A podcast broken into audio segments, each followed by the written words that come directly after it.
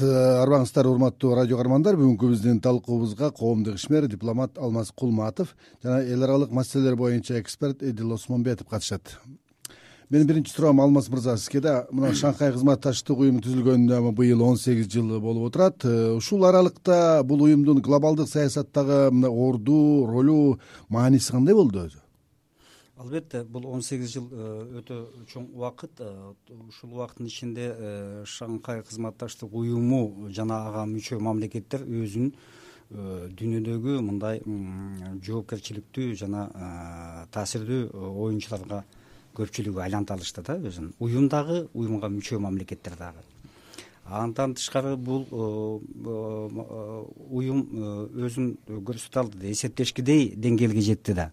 Ошол атаандаш сиз жакшы билесиз сиз дагы тышкы иштер министрлигинде иштедиңиз. Бул дүйнөлүк дөөлөттөр державалар мамлекеттер ири мындай таасирдүү деген.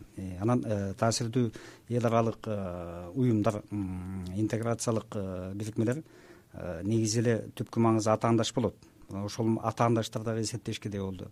Анан мынакей жанагы э, индия менен пакистан мамлекети. Дагы ушул э, өзүнүн каалоосу менен ыктыяры менен ушуну каалап эңсеп кошулуп улам жаңы мүчөлөрү пайда болуп келатпайбы эми шанхай кызматташтык уюмуна мүчө мамлекеттердин жалпы калкынын санын алганда үч миллиарддан ашык болуп атат да.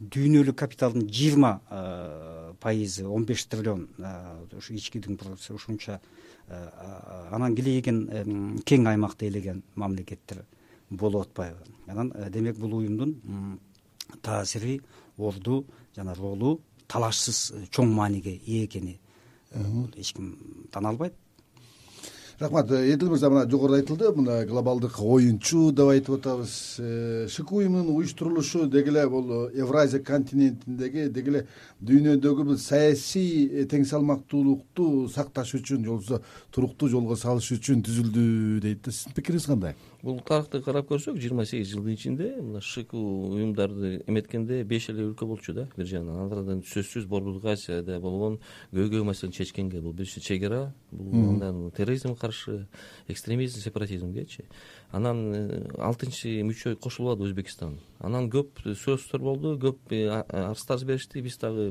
өзүнчө бир партнер болобуз кээ бирлер байкоочу болобуз деп башка мамлекеттерчи. Анан карап көрсөк мына тисмеден бангладеш бар иран туркия бар сирия бар даже белоруссия бар да анан белоруссия мисал келтирип берейин анан алар бул белоруссия өкмөтү өзү бул европанын өкмөтү катарапчы бул география жагынан борбордук азия азия кирбейт да эч качан анын максаты кандай болду? Ал эки миң бешинчи жылы Э, шкуга өзүнчө бир партнер по диалогу деп коюшат ошого кирип анан он жылдан кийин эки миң он бешинчи жылда байкоочу катары болчу. Анан бул дагы көрсөтүп атат да бул өзүнүн шкунун дагы геосаясий салмагы көтөрүлүп атканынчы анан э, мына беларустун дипломаттарынан сурасак эмне үчүн силер максат коюп атасыңар көрөбүз иран же туркия депчи? Бүгүнкү күндө алар чоң айтып атышат бул шкунун аянты эл аянты. Бир жагынан геосаясатта кандандаш болуп атат. Экинчиден бул сөзсүз э, өзүнүн кызыкчылыгын колдогонго белоруссия да эметип атат. Эмне үчүн? Ал байкоочу наблюдатель алгандан кийин ал сөзсүз ачык э, заседанияда отурат бирдеме эмесин. Бирок белоруссиянын президенти сөзсүз өзүнүн эки тараптуу көп тараптуу аян катары пайдаланат өзүнүн кызыкчылыгын көтөргөнгө. Бирок турцияда туркияда ошондой жок. Бүгүнкү күндө эки эки мамлекет киргенден кийин пакистан менен индия. Геосаясаттык салмагы эл аралык аброю көтөрүлдү шкунун эмне үчүн?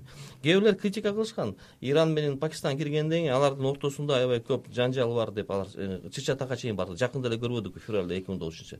Бирок ичинен караганда кыргызстан азыр э, шкуда төрага болуп атпайбы бизге дагы бир жагынан кыйын болду да эки мындай мамлекет чоң ири мамлекет аранын ортосунда жок. Бирок биз көрүп атабыз кадам кадам менен акырдап алар эдил мырза болтур э, белоруссияны эске албаганда европадан континентинен бир дагы мамлекет мындай мүчө болбосо дагы байкоочу катары же болбосо өнөктөш катары дагы шку менен эмне үчүн кызматташкысы келбейт деген суроо жок мындай да. Биз карап көрсөк азыр бир жагынан убакыт керек кадам кадам менен этет азыр мына циндаода жакында эле өтпөдүбү э, билген глобалдык саммит да анын биринчи жолу эки киши келди. Биринчи мына оон фондунун буунун генеральный секретары гутерриш келген. Анан тетики международный валютный фонддун кристин лагард келди. Бул эмнени көрсөтүп атат? Алар кызыкпаса же ал салмагы көтөрсө келбейт эле да. А белоруссиянын бир эле максаты бар. Ал сөзсүз өзү көпүрө болом деп мынабу азия менен европага өзүнүн улуттук кызыгычын колдоп алам деп. Туркия дагы иран дагы ошону коюп атат. Мен ойлойм бүгүнкү күндө шкунун мааниси эмнеси жакшы. Бир жагынан тең аттай иштеп атышат анан мындай э, ири мамлекеттер бар.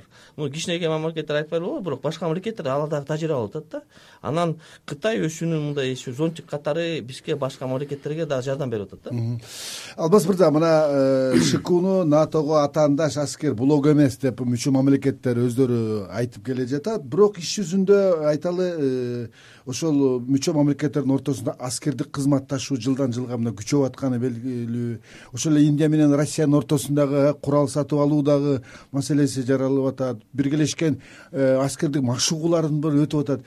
Бара бара шку уюму ушундай бир чоң глобалдык аскердик блокко биригиши мүмкүнбү деген суроо туулат жок эми э, шанхай кызматташтык уюмуна түзүлүп атканда анан анын ушул э, он сегиз жылдык тарыхында андай э, демилге андай идея бул түпкү максат эмес экенин далилдеп атат. Негизги маселе экономикалык кызматташтык. Анан эми бирок эми интеграциясы негизи толук болууга тийиш толук болууга тийиш да бул ушул максатта аскерий техникалык кызматташтык э, боло турган э, объективдүү жагдай андан кыйгап өтө алышпайт. Анан э, экинчи эч бир мамлекет кыйгап өтө албай турган кыйгап кете элек тилекке каршы. Эч бир мамлекет мындан алысмын жок бизге андай коркунуч жок дей албай турган глобалдык чакырыктар коркунучтар бар да мына терроризм терроризм экстремизм сепаратизм жана башка жана башка коркунучтар а ошолор менен күрөшүүдө ал аскерий техникалык кызматташтык болбосо атайын кызматтардын э, мындай бир биргелешкен иш чарасы болбосо анан бирин бири жакшылап билүүгө аракеттенбесе ансыз болбой калып атат да. Ошондуктан мынакей жанагындай аскерий техникалык кызматташтык шанхай кызматташтык уюмунун өз ара э, жалпы уюмдун алкагында анан ошого мүчө мамлекеттердин Э, эки тараптуу үч тараптуу кызматташуусу боло турган объективдүү жагдай. Аны бул э, тигил же бул э, түндүк атлантикалык альянс ал түзүлгөндө эле максаты башка болгон.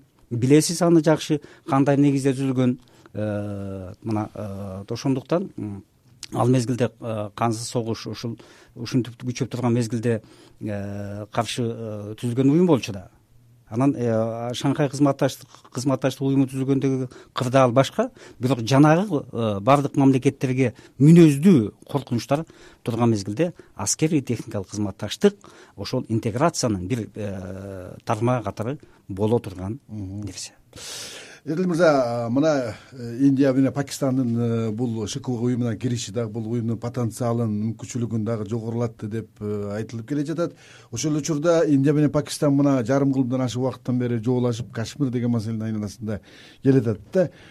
Ушундай карама каршы мамлекеттин шк уюмуна киришине эмне кызыкчылык болду деп ойлойсуз биринчи кезекте? Бул ачык эле айтып коюш керек мындай геосаясатта атаандашуу бар бүгүнкү күндө аламдашуу процесстер болгондон кийин аябай көп коркунучтар чакыруулар бар да анан ар бир ири мамлекеттер өзүнүн мындай дос катары же партнер катары киргизет да.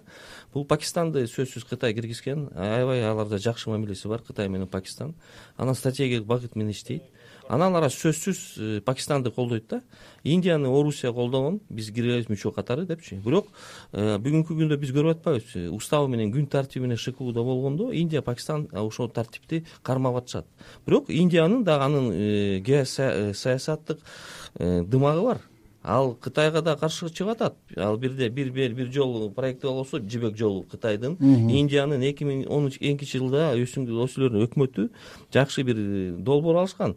Э, connecting to central asia борбордук азия бириккебиз депчи. Бирок индиянын негизги бир геосаясаттык эмеси бар да. Жолу жок э, түз жолу борбордук азия жок. Же кытай менен өтүш керек же афганистан иран менен. Ошол кичине эметип атат да. Бирок биз көрүп атпайбызбы бүгүнкү күндө индиянын өкмөтү дагы чоң геосаясаттык дымак коюп атат да. Азыр бизде угарманыбыз бар экен. Анын да пикирин угуп көрөлү. Алло саламатсызбы? Саламатсызбы бүчө салам айлыбек төрехан э, айтыңыз бүгүнкү күндөгү шанхай кызматкеринде иштеп аткандардын баардыгы экономикалык байланыштын жүрүшү жакшы. Бирок биздин чоң мамлекеттер кытай россия белоруссия өздөрүнүн экономикасын кичинекей мамлекеттерге таңууланып токтотуш керек. Мисал кыла турган болсок бизге келген кээ бир товарлар алсаң да аласың албасаң да аласың дегендей бирибизде берилип калат мындай кемчиликти кармап кыргызстандын өзбекстандан тажикстандан чыгарган товарларды дагы чоң мамлекеттерге сатууга мүмкүнчүлүк бериш керек. Рахмат рахмат пикириңизге. Алмаз мырза мына шанхай кызматташтык уюмунун эки миң экинчи жылы кабыл алынган хартиясында мындай бир жобо жүрөт да. Дүйнөлүк экономикага интеграциялануудан мүчө мамлекеттер өз ара мамилелерин чогуу координациялайт дейт да.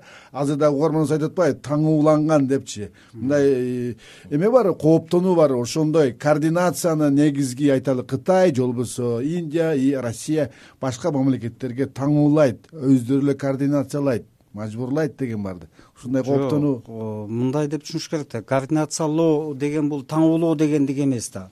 Экөө эки башка мааниге ээ түшүнүк э, көрүнүш да анан эми албетте э, бул экономикасы алсыз технология жактан э, өнүгүүсү өнүгүү темпи жай мамлекеттер потенциалы төмөнүрөөк мамлекеттер албетте жанагындай чоң ушундай бир глобалдык уюмга регионалдык уюмга мүчө мамлекеттердин экономикасына тигилердин мындай басымдуулугу бул ошондой кооптонуу бар.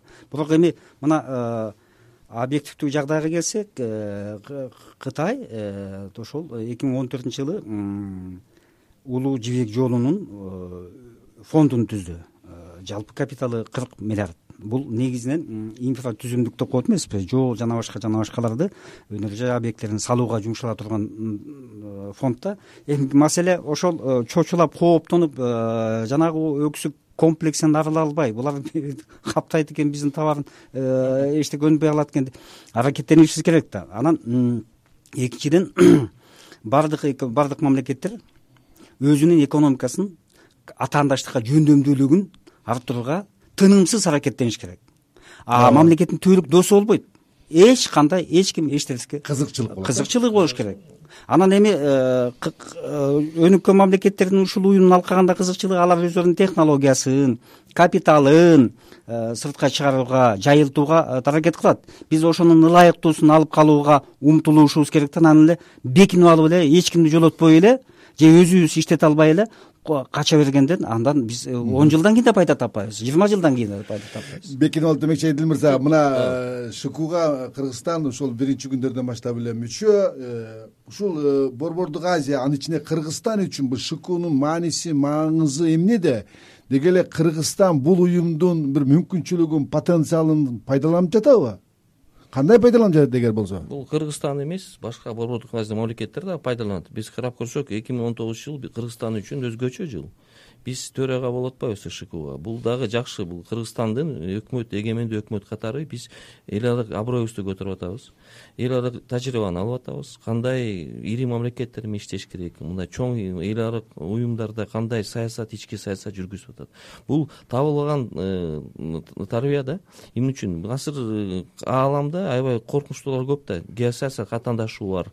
Ошону кыргызстанда үйрөнүш керек. Сөзсүз улуттук кызыкчылыгын жоготпой. Анан карап көрсөк бул бүгүнкү күндө башка мамлекеттер дагы аны тажрыйба алып атат да. Анан бул шкуда баары мамлекеттер э, тең ката болуп атат да эмне үчүн бүгүнкү күндө мындай чоң таасири жок ири мамлекеттерде. Алар түшүнүп атышат убакыт керек да. Бирок чоң койгон максаттар бул терроризмге сепаратизмге каршы анан экономика жагынан маданият жагынан иштеп атышат да. Анан ошо кыргызстан эмне алды он сегиз жылдан бери? Сиз бир экөөнү айта аласызбы? Эмне пайда болду сөзсүз мен айттым биринчисин. Бизде бир дипломатия жагынан тышкы саясат боюнча биз үйрөнүп атабыз кандай тажрыйбаны алабыз э, аброюбуз көтөрүлүп атат. Бул биринчиси. Экинчиси карап көрсөк экинчиден бул шкуда бул аябай коркунучтуу көп да кыргызстанда да башка борбордор бул афганистан бар сепаратизм терроризм исламдык мамлекет өлкө деп кетип атат.